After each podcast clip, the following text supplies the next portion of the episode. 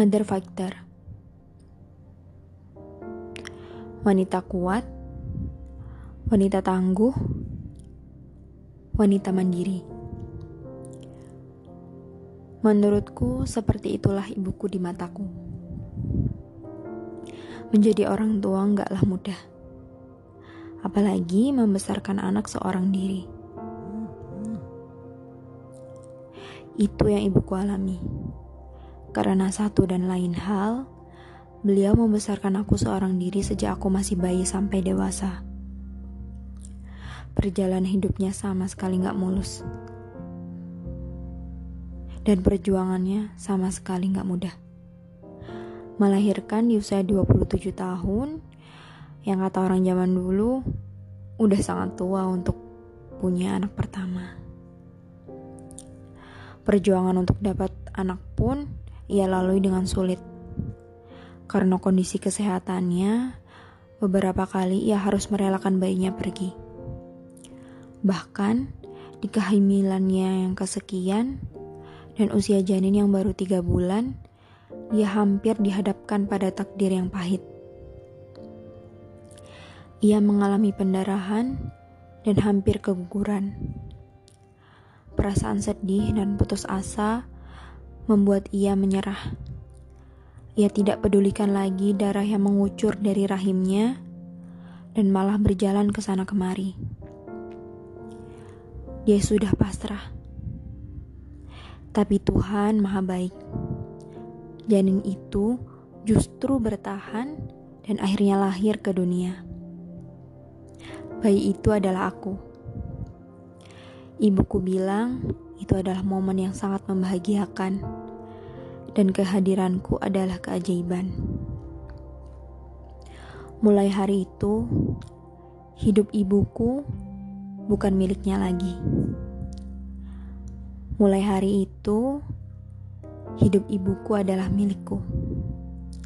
Mimpinya adalah membesarkan aku dengan baik, tanpa kekurangan apa pun. Aku masih ingat dengan jelas momen-momen perjuangan itu. Ibuku harus mencari nafkah sekaligus membesarkanku. Beliau membuka toko kecil di depan rumah. Kami hidup numpang di rumah orang tua ibuku. Ke mana pun ibuku pergi, aku selalu ia bawa. Aku masih ingat waktu kecil aku sering dibawa ibuku berbelanja kebutuhan toko. Dengan membawa sepeda tua, aku dibonceng di depan dengan dudukan bayi, sedangkan kakiku diikat dengan selendang agar tidak terjepit roda sepeda. Sedangkan di bagian belakang sepeda dan juga kanan kiri dipenuhi dengan belanjaan. Sejak kecil, aku sangat terbiasa menemani ibuku berbelanja. Bahkan orang-orang di agen sampai hafal dengan aku. Kadang aku dititipkan di warung bakso.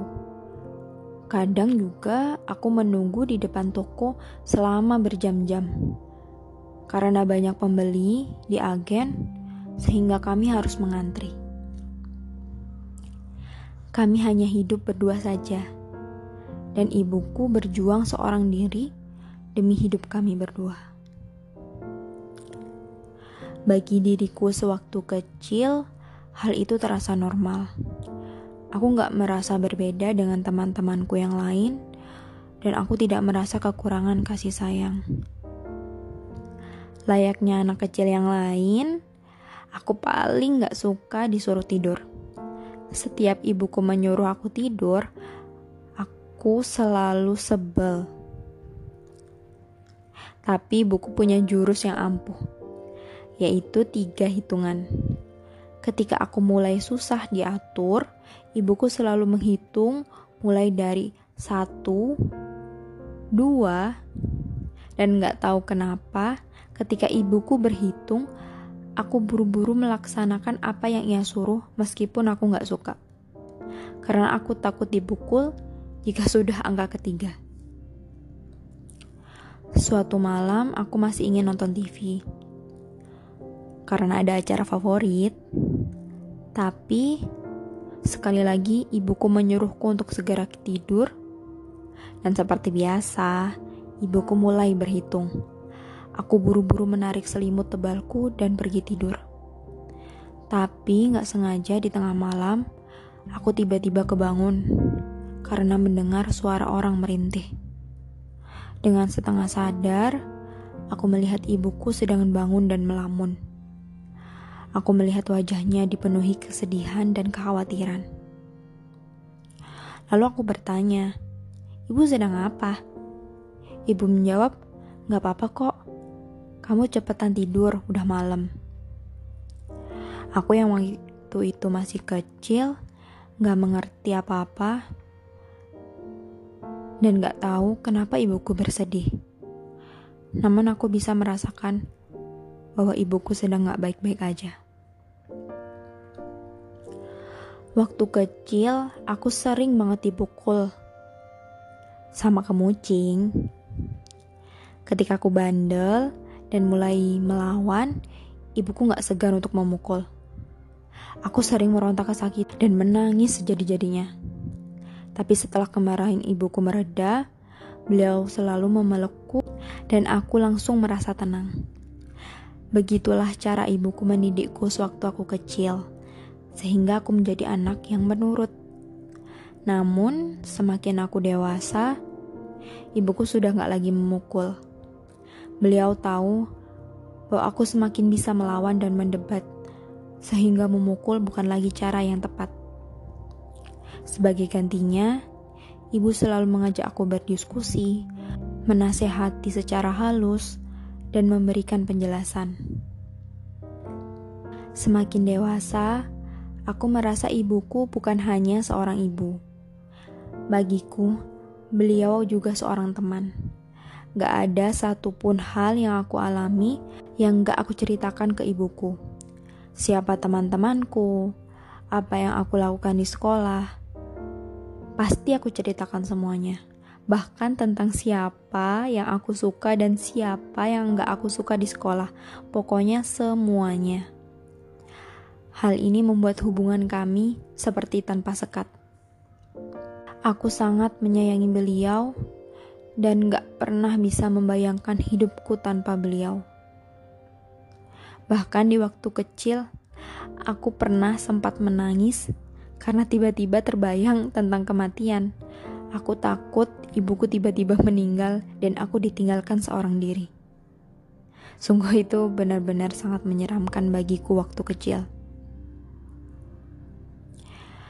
Semakin aku dewasa, aku semakin paham pengorbanan apa yang beliau lakukan selama ini untukku. Ibuku telah memberikan segalanya untukku. Gak ada sesuatu yang bisa ia berikan kecuali sudah ia berikan untuk aku. Aku jadi semakin sayang sekaligus sedih. Karena ibuku gak punya waktu untuk memikirkan dirinya sendiri. Seluruh waktu, energi, pikiran ia gunakan untuk membesarkan aku. Aku tahu beliau kuat, aku tahu beliau tangguh. Tapi semua manusia pasti tahu bahwa berjuang adalah hal yang melelahkan. Seseorang tetap butuh bahu untuk bersandar. Tapi ibuku gak punya. Semua ia lakukan sendiri. Prinsip hidup beliau adalah jangan merepotkan orang lain dan kerjakan sesuatu yang bisa kamu kerjakan sendiri tanpa harus minta tolong orang lain. Dulu aku merasa prinsip ibuku itu sangat benar, dan aku juga menganut hal yang sama. Tapi semakin aku dewasa, aku semakin tahu tentang peliknya hidup dan terkadang merasa lelah. Aku merasa kehadiran seseorang menjadi penting. Dan pundak ibuku selalu menjadi tujuanku ketika aku merasa lelah. Tapi aku mulai sadar sesuatu. Berarti selama ini ibuku juga pasti mengalami masa-masa sulit. Dan aku mulai flashback memoriku saat aku kecil dan aku baru sadar Senyum beliau di pagi hari tergantikan oleh tangis di malam hari. tanpa siapa pun mendengar, tanpa siapa pun tahu bahwa kita sedang bersedih dan sedang lelah. Aku gak bisa membayangkan ada di posisi beliau. Pasti sangat berat. Menangis seorang diri, tapi di pagi hari kita harus berjuang karena kita seorang diri.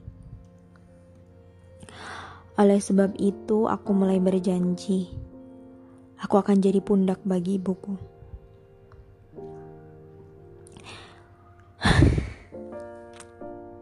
Tempat beliau bersandar ketika beliau lelah.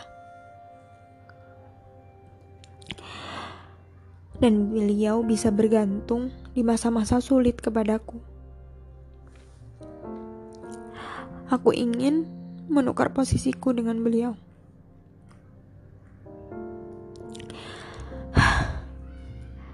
Dan mulai saat itu aku merasa hubungan kami gak hanya sekedar seorang ibu dan anak, tapi lebih dari itu.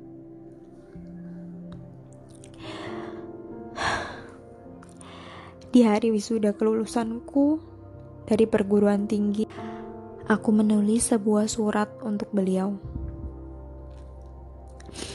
Bunyi surat itu seperti ini. Ibu,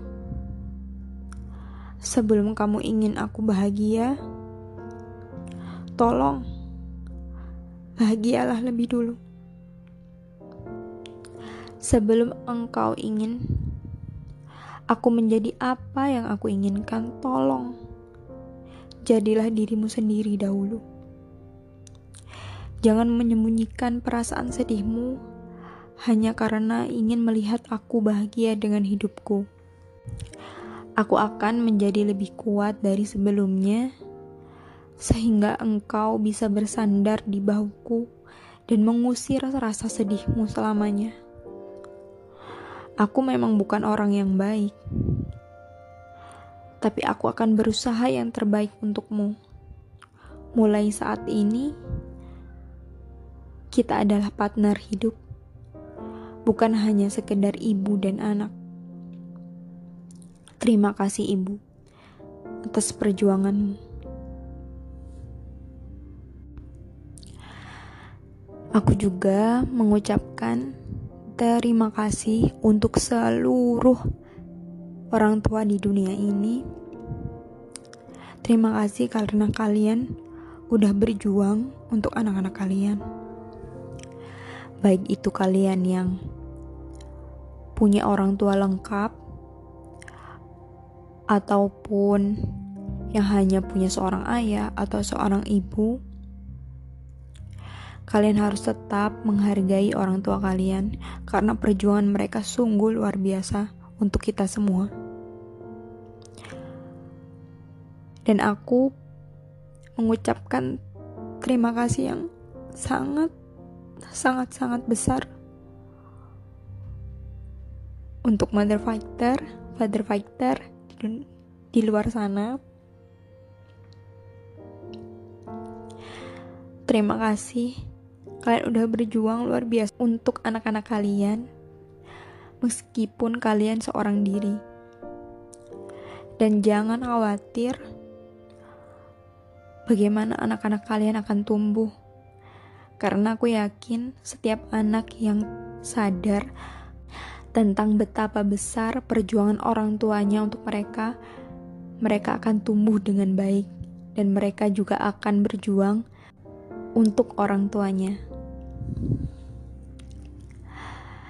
Dan aku berharap dengan pelajaran hidupku waktu aku kecil hingga dewasa, nantinya aku bisa menjadi orang tua yang baik untuk anak-anakku dan memberikan mereka kasih sayang yang terbaik, cinta yang terbaik, dan pendidikan terbaik.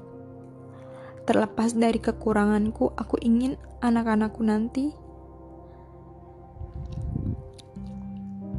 bisa tumbuh menjadi anak-anak yang baik. Sekali lagi, terima kasih Ibu.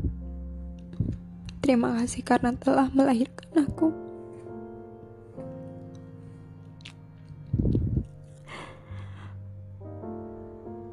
Dan terima kasih karena membesarkan aku dengan sangat baik. Big love to the moon and back for my beloved mom. Jangan lupa ucapkan terima kasih untuk orang tua kita. Jangan sampai terlambat, dan kalian akan menyesalinya suatu hari nanti. Sekian podcast hari ini. See you in the next podcast.